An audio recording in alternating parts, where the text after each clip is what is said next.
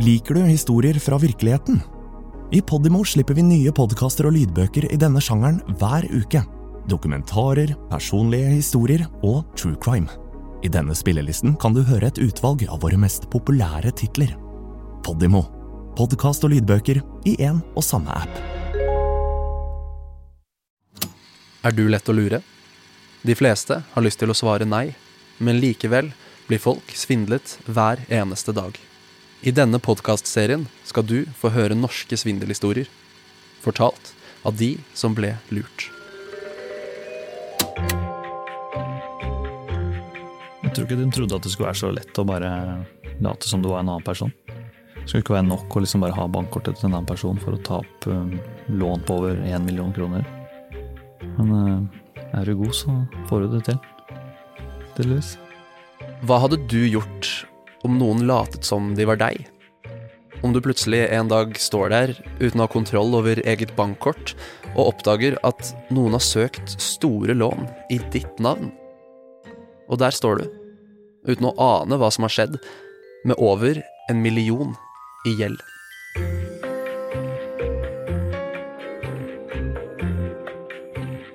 Du hører på Svindlet.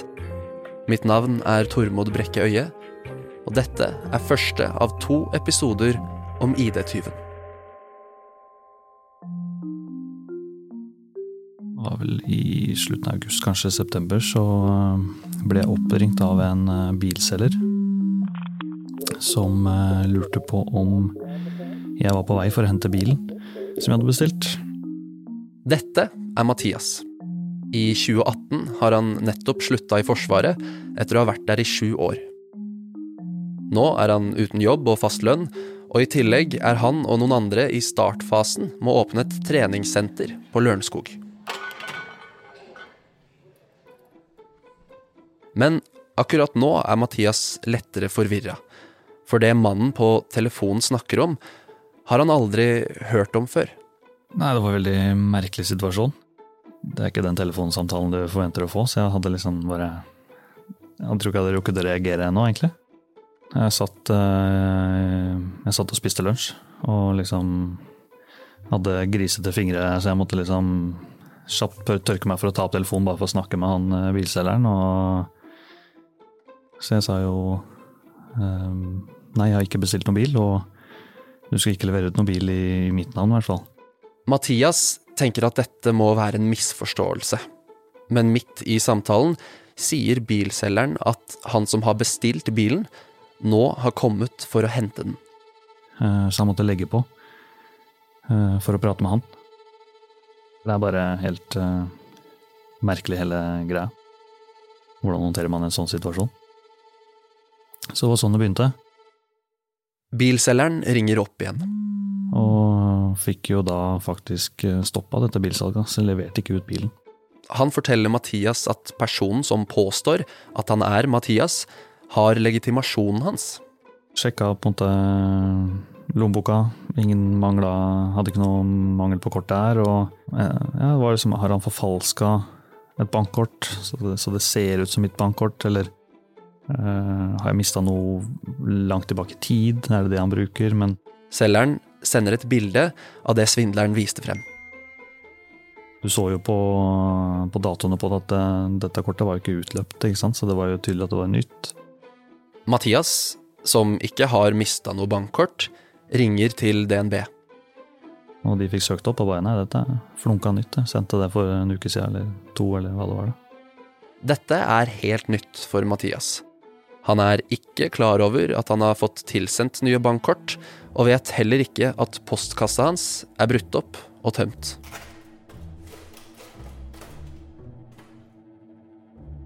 Mathias åpner PC-en sin og begynner å undersøke. Og snart dukker det opp enda en overraskelse. Um, etter hvert som jeg begynte å grave litt, fant, uh, fant noen mailer i, i søppelpost. Um, så viste det seg at det var uh, Jeg fikk ganske raskt uh, funnet ut at det var kjøpt en annen bil i mitt navn. Uh, vi snakker om biler til 600 000. Bilen det er snakk om, er en Audi RS5 til en verdi av 580 000 kroner. Billånet ble godkjent gjennom banken Santander, og svindleren hentet den ut bare noen dager tidligere. Og da begynner jo, begynner jo kaoset. Hva mer er gjort, eh, hvordan finner du ut av hva mer som er gjort? Det er jo ikke en nettside hvor du bare søker opp eh, hvem har misbrukt eh, navnet mitt. Nå får Mathias panikk. Kan det være snakk om flere lån? Kan identiteten hans ha blitt misbrukt også andre steder? Og så begynte jo disse kredittvurderingsskjemaene, de som man får i posten, begynte jo å rulle inn etter hvert. Og Det var egentlig eneste måten for meg å finne ut av hvor det var prøvd å ta opp lån, og, hvor det var tatt opp noe lån. Eh, for i 2018 så var det i hvert fall ikke så vidt jeg vet, noe, register for, noe gjeldsregister for å søke hvor er det jeg har gjeld. Det var det ikke på den tida, så det var bare å vente på disse kredittvurderingslappene i posten. Og ringe opp de bankene eh, og spørre hvor er det, eller er det tatt opp lån, er det godkjent lån. Mathias finner ut at det går an å sperre seg for kredittvurderinger, og gjør det med en gang. Det var i hvert fall da var jo um, fire steder han måtte gjøre det. En ganske vanskelig prosess med å sende mailer og uh, legitimisere seg via mail og liksom be om å ikke ja, be om å få sperra seg, da. Han sjekker også forsikringene sine og hva de dekker. Det viste seg at jeg hadde uh, forsikring på når det kom til svindel og ID-tyveri. ID og uh, fikk ringt av det forsikringsselskapet, og det var veldig god avtale. Jeg hadde fritt bruk av advokat opp til lurer på om det var én million kroner. Som var en fantastisk avtale. Det gjorde at jeg fikk senka skuldrene litt. Så hvis dette skulle ende i noe rettssak, eller noe sånt, så hadde jeg i hvert fall den økonomiske støtten som jeg trengte for å for å fullføre det. Og etter det drar Mathias rett ned til politistasjonen for å anmelde saken. Det er sent på ettermiddagen, og Mathias prater med kveldsvakten. Han lurte vel egentlig litt på hvorfor jeg var her og ikke bare ringte banken og kansellerte bankkortet, sånn at han ikke kunne kjøpe noe mer eh, i mitt navn. Men eh, det har jo aldri blitt trukket noe penger ut fra min konto fysisk. Det har bare blitt tatt opp masse gjeld i mitt navn. Men heldigvis var det en litt eldre dame som jobba bak, som overhørte samtalen når jeg anmeldte forholdet. Så hun var eh, Hun tok over saken, og så ble jeg veileda inn bak eh, glasset, da, hvor de skjønte at det, det var faktisk litt seriøst. da. Mathias får anmeldt saken og forteller det han vet. Når han har gjort det, er det ikke mer å gjøre enn å vente. Etter en tid slutter kredittvurderingene å komme i postkassa. Og dermed prøver Mathias å beregne hvor stor skade svindleren har rukket å gjøre. Og det er ikke lite. I løpet av en snau uke har han klart å fått godkjent to billån. Et på Audien til 580 000, og et annet et på en BMW til 639 000 kroner. Svindleren har også kjøpt møbler på Skeidar for 58 000 kroner. Hadde laget en egen mail som var veldig lik min mail, og hadde en eh, del andre søknader om lån som lå til godkjenning da, i andre banker. Og i tillegg er det også kjøpt verktøy for 17 500 kroner på Jula. Og um, man tenker jo ikke å ringe Jula for å sjekke om noen har tatt på noe lån der, for det var jo en kundeklubb hvor du kunne kjøpe på kreditt. Um, så nei, det var uh, mye muligheter og mye, mye som måtte sjekkes. Mm. Hei! Har du lyst til å høre mer som denne podkasten, men helt reklamefritt? Da vil jeg anbefale deg å laste ned Podimo-appen for en gratis prøveperiode. Ikke bare finner du kvalitetspodkaster innen alle sjangere, men også flere av de mest populære lydbøkene. Alt sammen i Podimo-appen. Ok, vi tar et steg tilbake. Det som har skjedd før alt dette, er at DNB har sendt ut nye bankkort i posten. Men siden Mathias ikke har fått beskjed om dette, så får han ikke med seg at de blir stjålet. Dermed er det noen som søker kreditt og tar opp lån i hans navn for å kjøpe dyre biler. Det var jo ja, Santander hvor det var mest eh, lån. Det var jo to billån som var godkjent. Og én var jo faktisk tatt ut, så de pengene var jo borte. Så til sammen har svindleren klart å kjøpe biler og andre ting for 1,2 millioner kroner på kreditt i fire forskjellige banker bare på én uke. Og kun ved hjelp av et bankkort. Um, og det når uh, disse to bilene da, som hadde blitt bestilt, begge de to bilene hadde blitt godkjent og forsikret gjennom Gjensidige, faktisk. Ringte jo uh, uh, når jeg fant ut at de hadde forsikra disse bilene. Og de trakk bare forsikringa. Og på en måte var hyggelig i den forstand at de ikke hadde noe krav mot meg eller krevde at jeg skulle betale noe for dette. De, de skjønte at de hadde driti seg ut og fjerna forsikringen på disse bilene. På papiret har nå Mathias en dyr bil registrert i sitt navn et eller annet sted der ute. En bil som ikke er forsikret. Og som står i ditt navn. Det er ulovlig og får konsekvenser. Så da får du dagsbøter på en bil som ikke er din, ikke, som ikke vet hvor det er. Så skal du prøve å overbevise staten om at neimen, jeg kan ikke forsikre en bil jeg ikke har kjøpt. på en måte. Så da begynte å rulle inn dagsbøter på dette greiene. da. Før dagsbøtene kan fjernes, må Audien, som svindleren klarte å hente ut, bli funnet og solgt. Og før bilen er funnet, får ikke Mathias fjernet kravet fra Santander på 580 000 kroner. Politiet kan heller ikke hjelpe Mathias med mye. Hørte aldri noe mer fra dem, faktisk. Syns det var litt uh, merkelig. Så Mathias må lete etter hjelp andre steder. Han tar kontakt med Norsis, Norsk senter for informasjonssikring, som bl.a. jobber med svindel. Og der kommer han i kontakt med Ole Anders. Det var litt uh, spesielt, for jeg var på uh, reise med Norsis i London. Uh, og så var jeg innom på rommet mitt mellom de seansene vi hadde der på hotellet. Og plutselig så ringte det en kar og fortalte at den hadde blitt At identiteten hans var på avveie, og at han hadde 1,2 millioner i, i gjeld.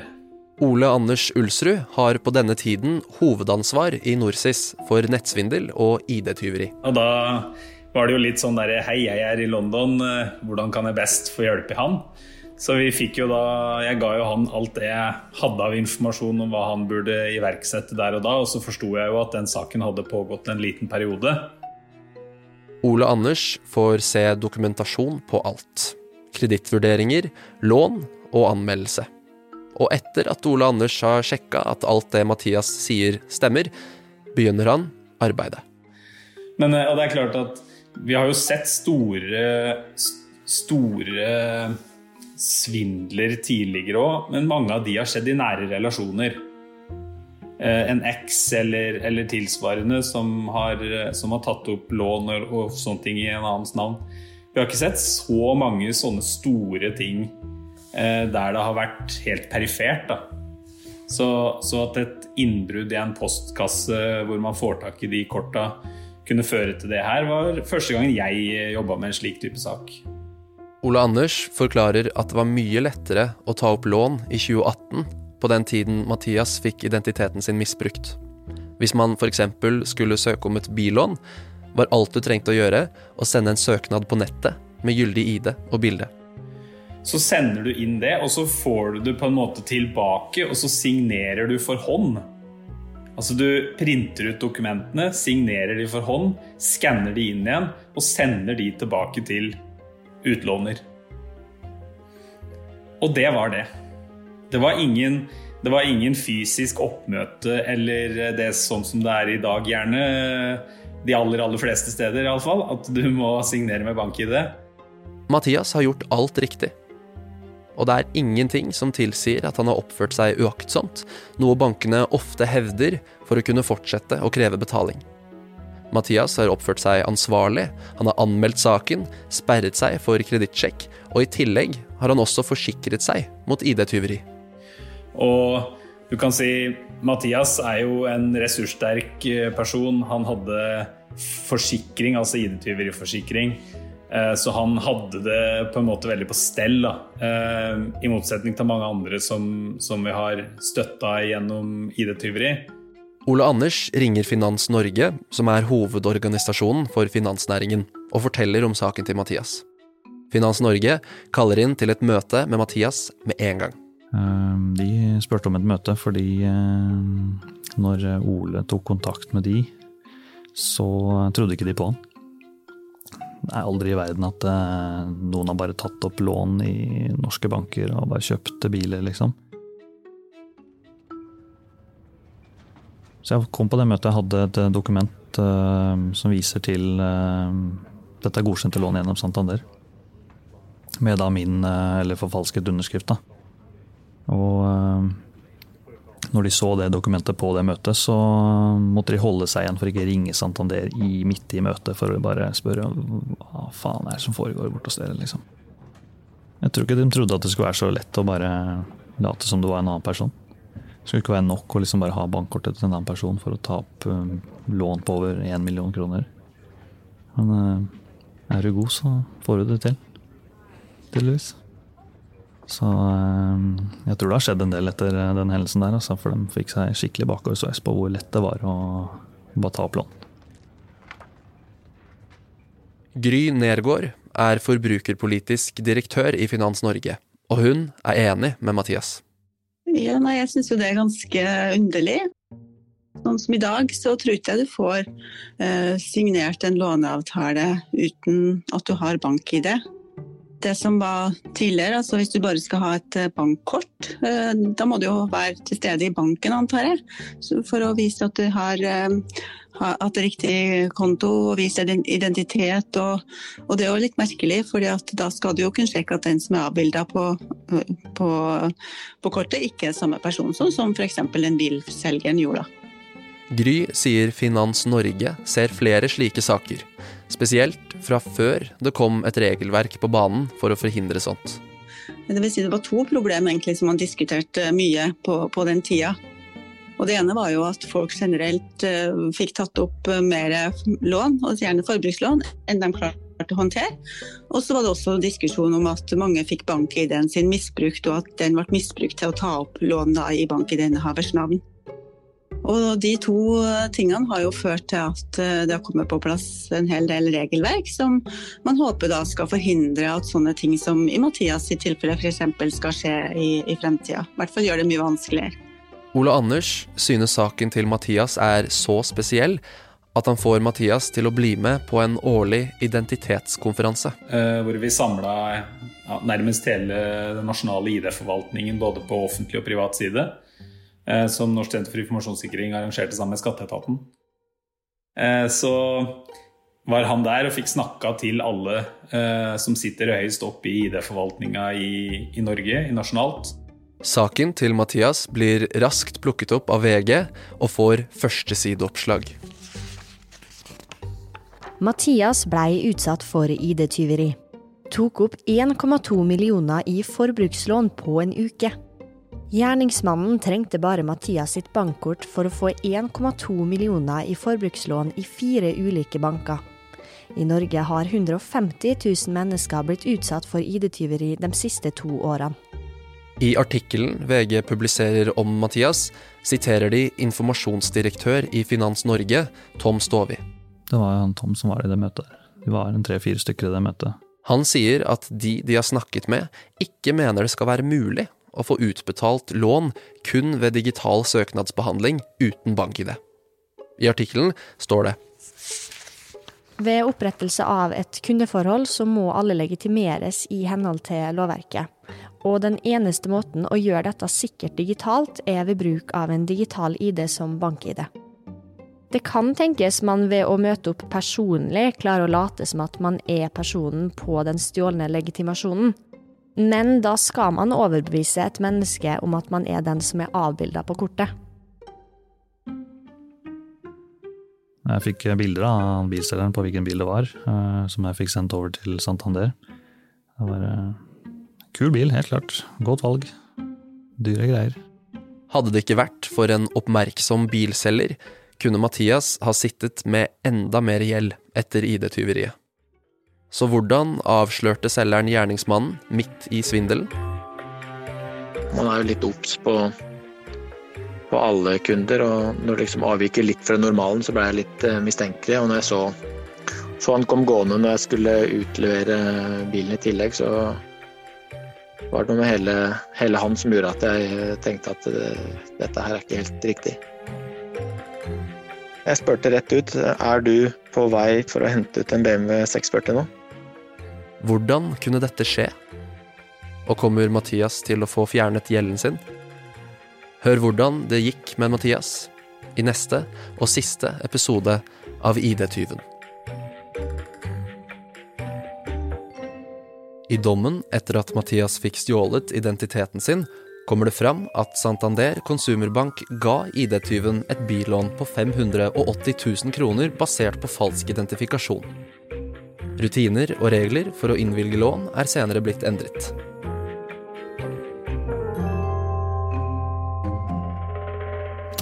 Svindlet er produsert av Fenomen for Podimo.